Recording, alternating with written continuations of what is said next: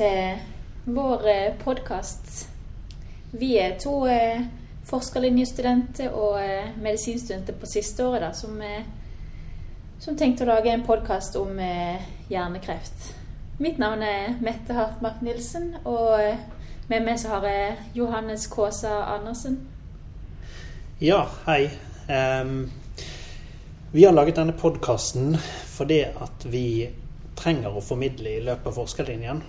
Og eh, nå er det sånn at det er kommet veldig mange gode podkaster, medisinske podkaster, som er veldig nyttige og gode. Og derfor syns vi at det var interessant å prøve dette her formatet i forbindelse med forskerlinjene.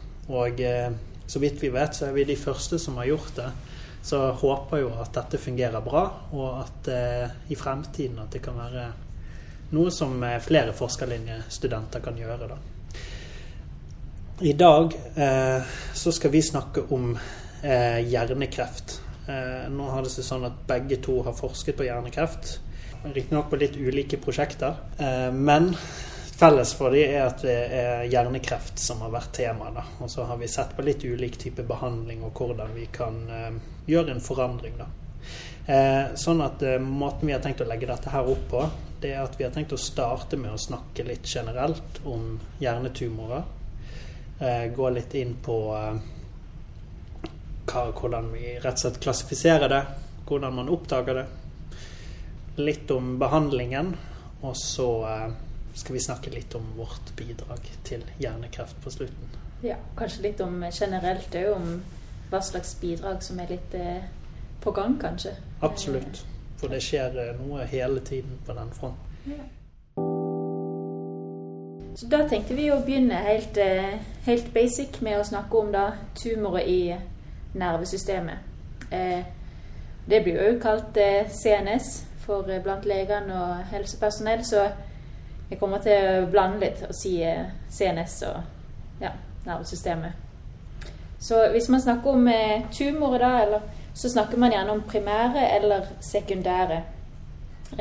Og Eh, sekundære er det mest vanligste man har av, av tumorer i hjernen eller i CNS. Eh, og man regner at eh, 25-40% av, av de som har eh, kreft utenfor CNS, vil få eh, metastase da, til CNS. Eh, og det vanligste er fra brystkreft, fra lungekreft, fra malignt melanom. og fra nyre- og kolorektalkanser blant voksne. Og så barn så har man litt sånn sjeldnere fra sarkome eller ja. Og primære eh, hjernetumorer, som vi da skal komme nærmere inn på, eh, kan jo forekomme overalt i sentralnervesystemet, dvs. Si i storhjernen, i lillehjernen, hjernestammen, i spinalkanalen. Det kan komme fra hinnen rundt hjernen, altså meningiome typisk. Eh, og det kan òg komme fra det perifere nervesystemet, som vil si da perifere nerverøtter og nerve. Eh, men vi skal nærmere gå inn på de inne i kraniet, og det er hovedgruppa av primære tumorer. Så 95 av, av primære CNS-tumorer er da intrakranielt. Eh, og blant de så har man det vanligste, som er da godarta meningiome. Eh, men man har òg mer alvorlige eh, eh, eh, og deriblant glioblastom, som vi skal gå enda nærmere inn på. Eh, men òg sjeldnere, som f.eks. Ep ependemiome og forskjellige typer hormonproduserende hypofysetumorer. Eller, ja. Ja, så, så det er altså disse sekundære tumorene i hjernen. altså vil Si at hvis du oppdager en tumor i hjernen, så er det mest sannsynlig en metastase fra en annen kreft et annet sted i kroppen, som er det vanligste. Men da vet jo man gjerne om det på forhånd, og, og, og, og forstår da at det har en sammenheng. Eh, skal også nevnes at lymfom faktisk kan eh, oppstå primært i hjernen. Eh, som er på en måte unntaket fra regelen, som sånn strengt tatt ikke er en, en, eh, en hjernetumor, sånn, som vi skal se på definisjonen. For det at de utgår alle fra dette som heter nevroektoderm, når vi er nede på skimlag. da, Og det har alle disse primære hjernetumorene til felles. Ja, Så jeg vet ikke Kanskje vi skal snakke litt om insidensen? For dette her er vel ikke så veldig vanlig, egentlig. Nei, nei ikke hvis man snakker om de, de primære tumorene. Eh, da regner man at ca. 20 per 100 000 eh, får eh, årlig da, påvist intrakranielle tumorer.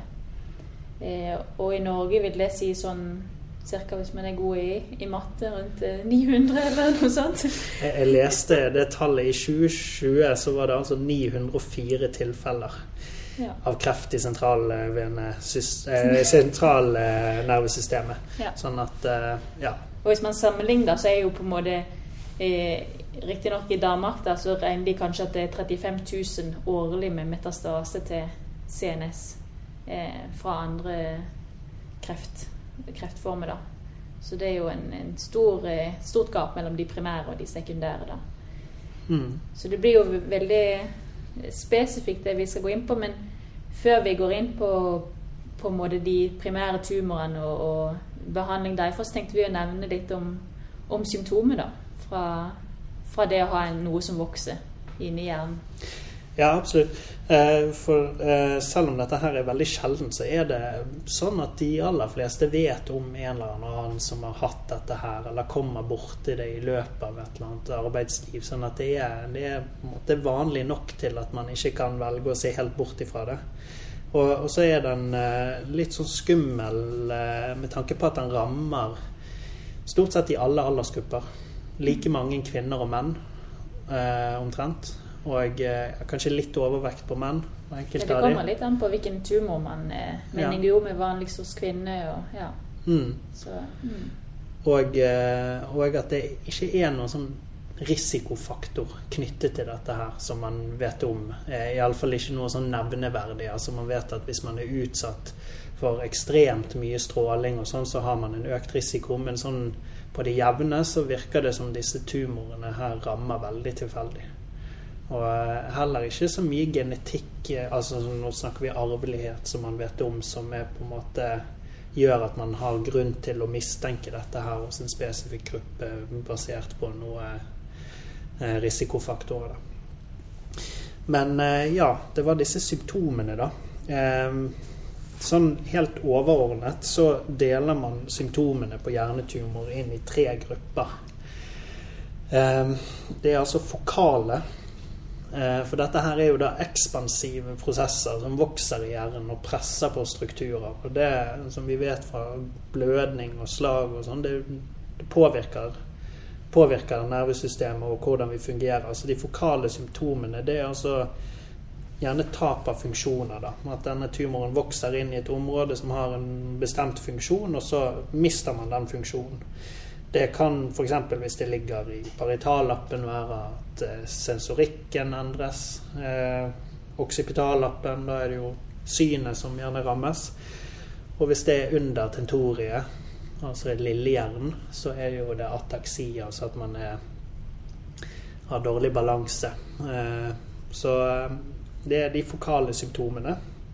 Eh, videre så har vi de globale symptomene. Eh, det er egentlig symptomer pga. høyt interkranielt trykk. Så er det jo litt sånn merkelig at det området i kroppen som har definitivt flest hjerne, eller nerveceller konsentrert, har man egentlig veldig lite smertereseptorer. Eh, sånn at eh, det man kjenner da av smerte fra en tumor i hjernen, det er egentlig strekk på hjernehinnene og på blodkarene. Og eh, det er jo det vi kaller for hodepine. Ehm, og eh, andre symptomer på høyt interkranielt trykk. Det kan jo være kvalme og ja, uvelhet. Eh, hodepinen for hjernekreft er ikke noe sånn veldig Ikke akkurat den og den type hodepine. Det er hjernekreft, sånn som vi gjerne kjenner fra disse her eh, migrene og spenningshodepine, som vi kan på en måte klassifiseres. De er litt mer sånn snikende og og litt merkelige. Eh, det er én ting som vi som kommende lege og legene er veldig opptatt av. Liksom, hva, liksom om morgenen du, våkner du med hodepine. Ja, og det er en sånn varsellampe. Og spesielt det om du har en typisk morgenhodepine som blir litt bedre utover dagen. Det som skjer, er at du legger deg ned om kvelden, og så eh, får du et høyere trykk i hodet, og så våkner du opp med hodepine. Når du reiser deg opp og går en lang dag, så synker det trykket gradvis utover dagen, og hodepinen går litt vekk. da. Så det er et sånt eh, rødt flagg da man skal være obs på. En sånn nyoppslått morgenhodepine som eh, er progredierende. Det er jo også et annet sånt viktig element i dette her, er at eh, disse hodepinene her er jo også sånn De kommer, og så forsvinner de på en måte ikke, sånn som de gjerne gjør med type da migrene og sånn. Den siste gruppen av symptomer, eh, som også er veldig viktig, det er epilepsi. Eh, så mye som to tredjedeler av de med sånne langsomt voksende tumorer gjerne, gjerne de debuterer gjerne med epilepsi. Så Det er det første symptomet som melder seg. Og da er det sånn at de med nyoppstått epilepsi gjerne får en CT i hjernen, og så oppdager man da en tumor og finner årsaken til det. da. Så epilepsi er også viktig, eh, et viktig symptom å ta med seg, og er ganske vanlig blant, eh, blant de med hjernetumor. Da. Ja, og i hvilken aldersgruppe er For disse her veldig alvorlige hjernetumorene som vi skal snakke om seinere, så er jo gjennomsnittlig alder sånn 55-65 år. Men det skal sies at disse kan egentlig oppstå stort sett i alle aldersgrupper. Så man kan ikke måtte si at nei, du er for ung, eller du er for gammel, eller noe som helst. Man skal være obs på disse symptomene uansett alder. Da. Så jeg tenker at man skal ikke legge så veldig mye vekt på det akkurat her. Så det var litt sånn, eh, litt sånn om symptomene. Altså fokale, globale og epilepsisymptomer eh, er de store gruppene her. Da. Og så har man kanskje litt sånn de veldig spesielle hvis de produserer noe hormon eller uh, hypofysetumoren, at de kan gi symptomer som har enten med en hypofysesvikt, at, at de produserer lite eh, hormon, eller eh, at de produserer hormon, som det vanligste er prolaktinom. da. Så. Ja. Ja, den uh, nevnte jeg ikke, ja, men det er absolutt en viktig, en viktig vite å få med seg. Da er vi godt inne i endokrinologien, men det er det er klart det er absolutt eh, en viktig ting å ha med seg. Um, ja, så det var litt om symptomene. Um, vi var så vidt inne på det med CT, at det var en måte å oppdage dette på. Men jeg vet ikke videre sånn diagnostikk. Kan man si noe generelt om det? Ja, det er jo eh, som som du nevnte der med at hvis du får et epileptisk anfall, eller at du får et bortfallssymptom, eller så er jo ofte den, den vanligste undersøkelsesmetoden er jo en, at de tar en CT i, når du kommer inn på et akuttmottak. Og, eh, og det er den vanligste måten tumor i, i hjernen blir oppdaga på. Eh, at de kommer inn med et eller annet symptom, og man er ikke sikker er det en blødning, er det en tumor, hva er, hva er årsaken, og så blir det tatt en CT eh, som da viser mistanke om, om da hjernetumor. Eh, men den gullstandarden er jo en, en MR. Eh, MR vil fange opp tumoren bedre, men den vil òg fange opp vevet rundt tumoren, om det er ødemdannelse eller om Ja. Og på en måte kan se litt hvordan ser den tumoren ut. Er den homogen, eller eh, er han heterogen? Er det kontrastoppladning? Er det blodkar som vokser inn i, i tumoren. Eh, og man kan gi et bedre estimat på ødeme, som man kan behandle Nå skal vi jo komme litt inn på behandling senere, men man kan få ned med f.eks. kortikosteroide. Eh, og man kan òg snakke om hjernen generelt. Er det midtlinjeforskyvning? Hvordan ser ventriklene ut? Er det begynnende hydrocefalus? Som òg kan forklare hodepine eller endringer av bevissthet. Eh, så det er jo på en måte billeddiagnostikken. Man tar en CT. CT-en viser igjen når man tar en MR. Eh, men òg hvis det har progredert over lengre tid, eller at det er vedvarende hodepine, så er det ofte at fastlegen henviser til en MR, som igjen da kan vise, vise en tumor. Eh, og så er det noen Noen ganger så tar man og undersøker spinalvæska. Eh, og det er f.eks. hvor man mistenker ependymome eller germinome eller medulloblastome, som er vanligere hos barn. da. Eh, og grunnen til det er at de tumorcellene kan da vandre ned i spinalvæska, og så kan det gjerne oppstå da metastase til spinalkanalen. Så det er jo litt mer i sånn spesielle tilfeller, da. Eh, og òg her kan man se på visse sånn tumormarkører for de germinative eh, tumorene, da. Eh, og så snakker vi jo litt sånn om de forskjellige typer eh, tumorene som kan komme til hjernen, om det er en primær eller om det er en sekundær. Det er ikke alltid så lett å se på en MR er det primær, er det sekundær. Eh, men de kan bruke MR til å se er det flere metastase eh, eller flere tumorer. Og så bruker de jo klinikken, da. Liksom Har pasienten en kjent langkommen brystkreft, så er det jo mest sannsynlig at de små eh, tumorene er ja, metastase fra den brystkreften. Eh, det, men de har òg visse sånne trekk. De ser på f.eks. glioblastom, som vi skal komme nærmere på. Da, da, kan man jo se på visse trekk, hvordan tumoren ser ut. Eh, vi, vi, har sånn som kalles sånn sommerfugls eh, eh, eh, kan man det? Et bilde ligner på en sommerfugl, at det går gjennom corpus callosum. Eh, det vil jo være et veldig alvorlig tegn på at dette er en alvorlig hjernetumor som eh, det er dårlig prognose hvis man, hvis man ser det, da. Mm. Så eh, bruker man det, dette bildet man, man, går ikke alltid inn og tar en, en biopsi for å se er dette glioblastom eller er dette en metastase. Eh, de kirurgene bruker gjerne den MR-en til å gjøre en operativ behandling av, av tumoren. da. Og så vil man da etterpå få et, få et biopsisvar som fastslår hvilken type, hvilken type hjernetumor det er. da. Ja, ja så, så, det er da MR som er den store det viktigste i den primærutredningen av hjernetumor. da. Og så sier du da ja, at man tar gjerne en biopsi mens man prøver å fjerne denne tumoren. Og da får man den endelige diagnosen på hvilken type det er. Så da tenkte jeg å si litt om akkurat det. For da får man altså et eh, ja, frysesnitt eller et snitt som man får ut fra en biopsi.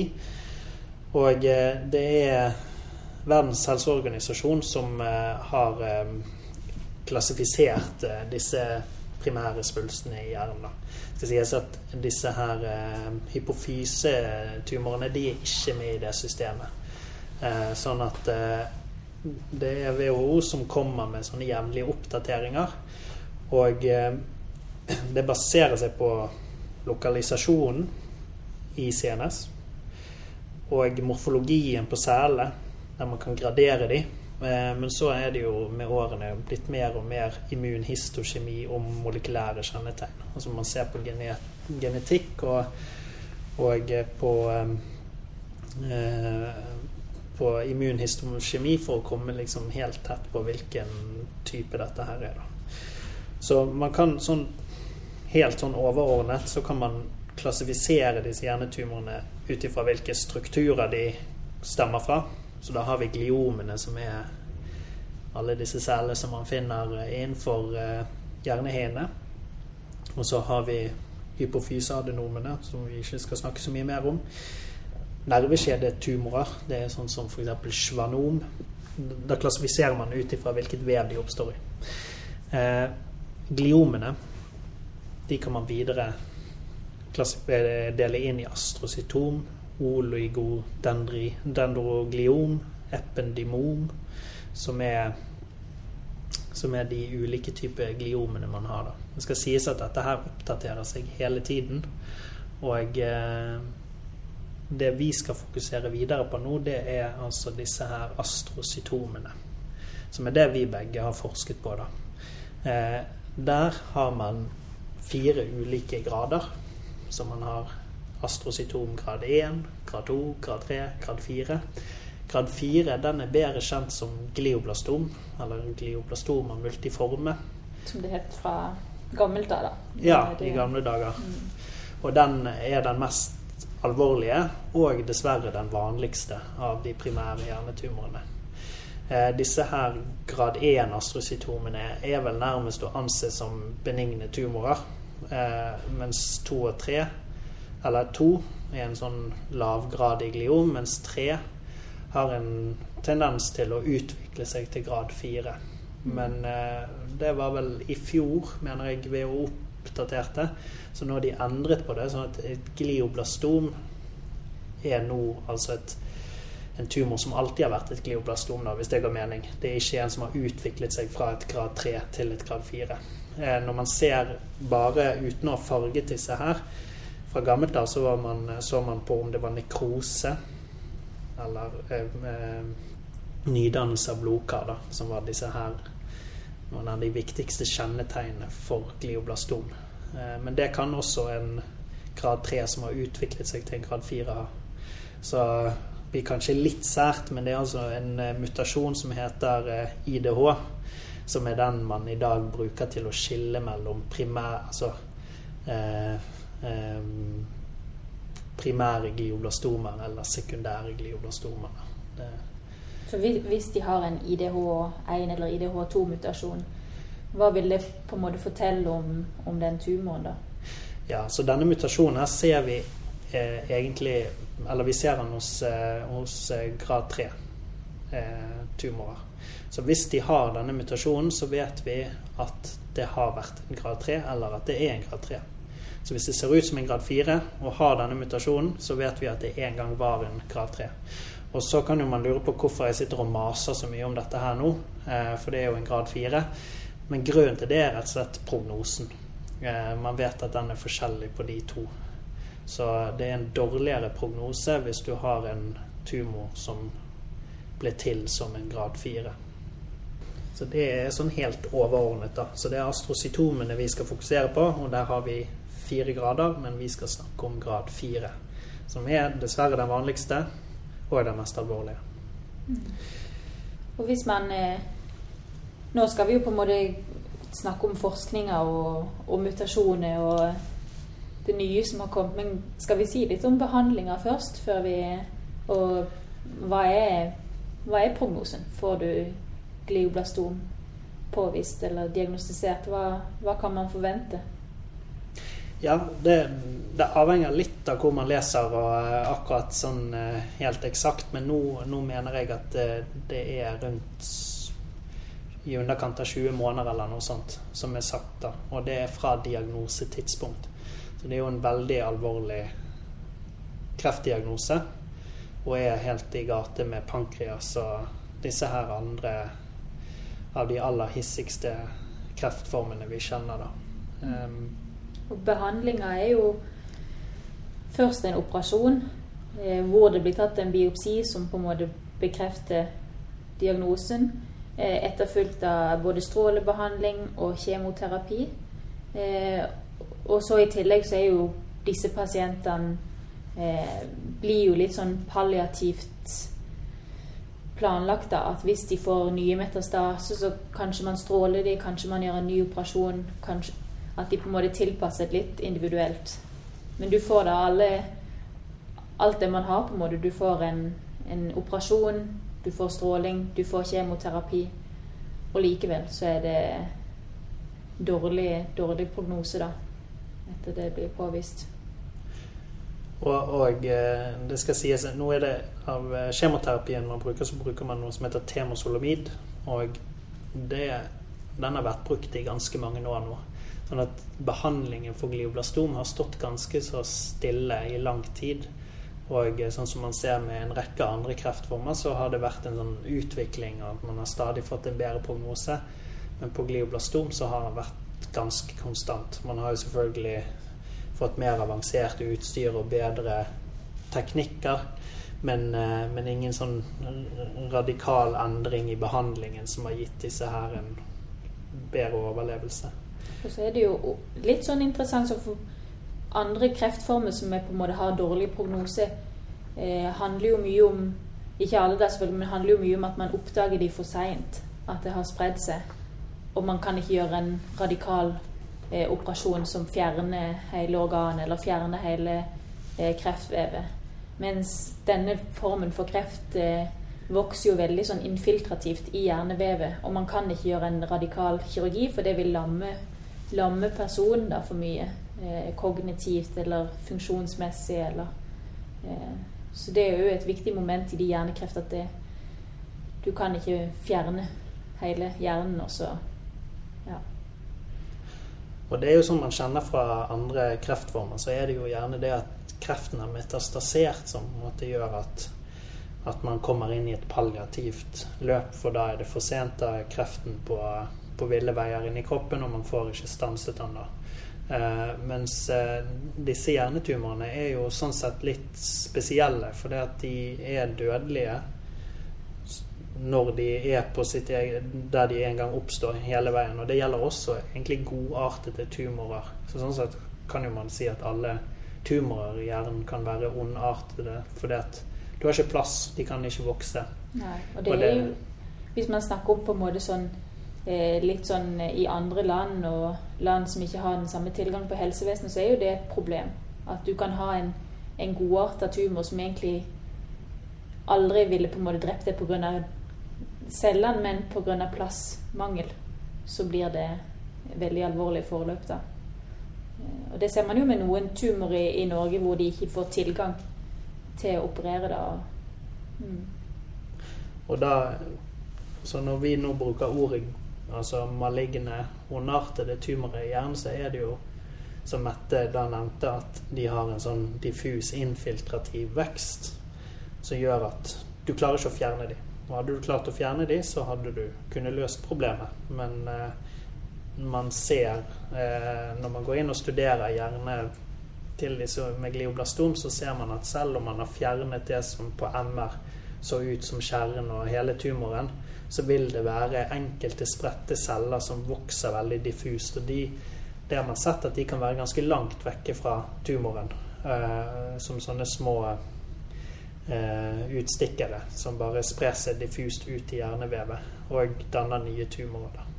Sånn at eh, når man har fjernet en svulst, så kan man se når man kommer til kontroll senere, at en tumor kan ha oppstått ganske langt vekke fra den tumoren som man opprinnelig fjernet. Da.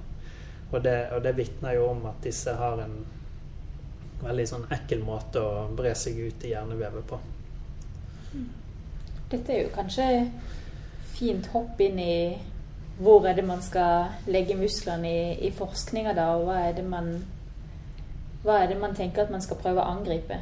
Eh, for det er på en måte ikke Man kan ikke satse på at man skal oppdage det seinere for å kunne fjerne det raskere. Sånn som kanskje andre kreftformer. At det handler om å finne en, en markør som man kan oppdage det tidlig med, som gjør at man kan fjerne det raskere så blir det på en måte ikke det som blir kanskje strategien i, i denne kreftforskninga på glioblastome. Eller hva tenker du? Nei, det er jo eh, noen som tenker at, eh, at det ville hjulpet at man oppdager de veldig tidlig, sånn at man kan gå inn og fjerne de. Men antageligvis så vil nok kanskje ikke det være mulig. Eh, og, eh, og da For å på en måte nærme oss disse strategiene som har vært forsket på og blir forsket på.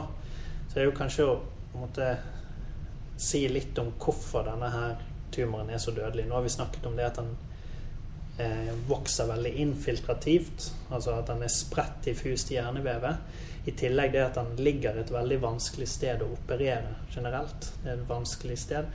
Eh, men blod-hjernebarrieren er jo også en utfordring her. Eh, det gjør jo at en god del cellegift ikke har den samme effekten der som gjør det vanskelig.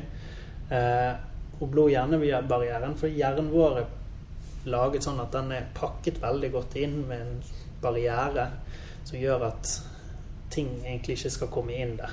Og det jeg prøver å si nå, er at immunforsvaret vårt, som har på en måte vært veldig viktig i veldig mye av den nye kreftbehandlingen, det er også ganske annerledes i sentralnervesystemet sammenlignet med resten av kroppen.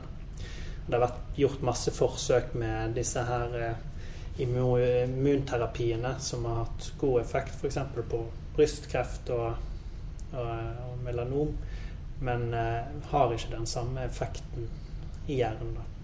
Og det er dels pga. at det er vanskelig å gi medisiner, men man mangler også immunceller. Man har en dårlig rekruttering av immunceller til hjernen. De kommer ikke så lett til. Og eh, det gjør at det er vanskelig å få immuncellene våre til å spille på lag. Så eh, Jeg vet ikke hva du tenker om eh, mulige strategier for å kurere dette her? Nei, det er jo eh, Man kan jo eh, se litt på hva, hva er det som fokuseres på i, i forskninga da. Og det er, jo, det er jo som du sier, immunterapi er jo veldig i vinden nå. Og før hadde man jo Før tenkte man jo at ikke det var noe immunforsvar i hjernen. Men det er vel litt i endring nå, at man tenker at hjernen har et immunforsvar som man kan sette i gang litt, eller Ja. Vi, vi, har, eh, vi har et, absolutt et immunforsvar i hjernen, men det er kanskje veldig annerledes for resten av kroppen. Og så er det det med glioblastomene. Man har sett det at eh, hvis man ser på enkeltceller i en tumor, så ser man at de er veldig heterogene. Så de er veldig ulike hverandre. Så det er ikke sånn at det, alle tumorceller ser helt like ut og oppfører seg helt likt. Man har masse sånne små kloner med forskjellige uttrykk og oppfører seg ulikt. Sånn at når man går inn og gjør noe som kanskje skader en del av de, så vokser noen andre opp. Og så har man det gående på den måten. da. Eh, og så ser man også at de er veldig flinke på å dempe immunforsvaret. Så når man ser på en del sånn degenerative demenssykdommer f.eks., så har jo man et ganske aktivt immunforsvar i hjernen som ødelegger hjernevevet. At man får en slags sånn lavgradig inflammasjon. Eh, men i glioblastomene så er det helt motsatt. Den er på en måte slått helt av. Man har nesten ingen T-celler eh, til stede i det hele tatt. Og det man derimot ser, er makrofager. Eh, dels makrofager som har kommet fra vevet utenfra, men de fleste er der fra før av. Det er de vi kjenner som mikroglia. Og de eh, kan oppføre seg på to ulike måter. De kan stimulere immunforsvaret, eller de kan slå det av. Og i gliomene så ser man at de slår det av. Og setter eh, på en måte litt sånn enkelt sagt de jager vekk alle immunceller og sier her trenger ikke vi noe hjelp, det er ikke noe vits i å komme hit her går alt i skjønneste orden. Så vi, vi ser at de er sånn da antiinflammatoriske, eller protumorigene eh, makrofager. Da. Eh, så makrofagene er jo sett på som en potensiell kandidat. Da, for når man tenker at de sitter med en slags joker her som man kan bruke til å, å snu det hele. Hvis man klarer å snu disse makrofagene til å faktisk stimulere immunforsvaret, så kan man kanskje få bedre effekt av de behandlingene man allerede har, men også tilby nye behandlinger. Det er jo litt interessant sånn din forskning og på min forskning som har handla om å på en måte kartlegge litt av miljøet rundt tumorcellene. Vi har da sett på hva skjer når du har kreftceller, altså de eh, glioblastomkreftcellene, sammen med glialceller, da. Eh, og sette de sammen, og hva, de, hva skjer med uttrykk av proteinene, og, og, eh, og endre de, hvilke faktorer de produserer. Eh, og vi har òg funnet da at, at, det å sette de sammen i f.eks. et dyreforsøk, at man setter menneskelige tumorkreftceller sammen med menneskelige eh, glialceller, at det, de har en raskere vekst av tumorcellene ved å gi de menneskeceller på sida som da kan snakke litt om rekrutteringa av, av, det de trenger for å vokse. Hvordan de klarer å slå om eh, vanlige celler til å produsere eh, stamcellefraktorer som ikke de har produsert siden de var i utvikling i, i fosterlivet. Eh, så det er jo en veldig interessant eh, utvikling av hvordan de kan på en måte rekruttere cellene rundt til å gjøre en del av jobben for dem. da. Eh, vet ikke, Er det noe mer vi Ja, altså det du det, det, du er inne på nå, og for så vidt det med immunceller, det er jo det vi gjerne snakker om som tumor- mikromiljø, da. Som er et sånn hett tema eh, i gliomforskningen. For det, der er så mye interaksjon med de cellene som ikke er tumorceller, da. I negativ favør eh, for, eh, for, prognosen. Altså at eh, kreftcelle får, som du sier, omkringliggende vev og strukturer til å på en måte bidra til at kreften opprettholdes. Da. Eh, så du har jo også hatt en sånn i din forskning en sånn eh, inngangsvinkel der du prøver å bryte den kontakten på en måte og få, få den, eh, det samspillet til å fungere dårligere. da. Kanskje var vel litt enkelt forklart. jo, men det, det, var jo det det handla om. på en måte eh, Se hvilken, hvilken transkripsjonsfaktor er økt. Kan man prøve å slå de av? Kan man se om det kan endre veksthastigheten på den tumormassen man har? Og, ja. Mm. Og så har det jo Hvis man går litt sånn generelt, så var det jo veldig Veldig på en måte når det kom det med VGF, og å kunne slå av For man tenkte at hvis, hvis på en måte tumoren ikke kan rekruttere til å lage blodkar, så vil tumoren til slutt dø av seg sjøl av sin egen vekst, fordi han vil ikke få eh, den tilførselen av glukose, den tilførselen av oksygen eh, som, som, man trengte, da. Eh, så man tenkte jo kanskje litt at når man fant en en terapi som kunne dempe det, at det ville få slutt på, på kreften. Men det ble jo ikke helt sånn. Eh. Ja, og det, det, der er jo typisk eh, at man har um, noe man har veldig tro på, så viser det seg ikke å fungere. Da. Og det er jo egentlig tilfellet for veldig mange behandlinger. Nå er det sånn at de fleste som har hatt disse her eh, store gjennombruddene på andre kreftformer har jo vært veldig raskt forsøkt på hjernekreft, men vi, det gjenstår egentlig å se at det på en måte eh, har hatt samme effekten. da. Sånn at det er veldig spennende fagfelt å jobbe i, men selvfølgelig kan det jo være litt eh, tungt til tider, da, for dette er jo ikke de store føene man gjør. Men man vet jo i dag utrolig mye mer om dette samspillet og eh, hvordan ting henger sammen. Sånn at eh, jeg er jo sånn sett litt optimistisk at man allikevel kommer nærmere noe, da. Ja, da var vi kanskje med veis ende for denne, denne podkasten, da. Og vi har jo snakka om, om hjernetumorer og, og, hvor de kommer fra, og, og, hva slags type vi har. Vi har nevnt eh, litt om hvor vanlig de har. Vi har ikke helt gått inn på kanskje hvor mange glioblastomtilfeller det ses årlig, men de regner ca. 3-4 per 100 000, som blir, blir da rundt 200 nye pasienter i året. da. Eh, vi har snakka litt om eh, symptomer, at man kan ha fokale symptomer, eh, globale symptomer og epileptiske symptomer. da. Eh, vi har snakka litt om hvilken behandling man gir. Først hvordan de oppdages med CT, gjerne supplert med MR. Og til slutt litt om eh, forskninga, hvor vi står hen, og kanskje veien videre. Mm. Veldig bra. Takk for oss. Ja, og hvis det er noe Vi har eh, Vi legger link til kildene eh, under.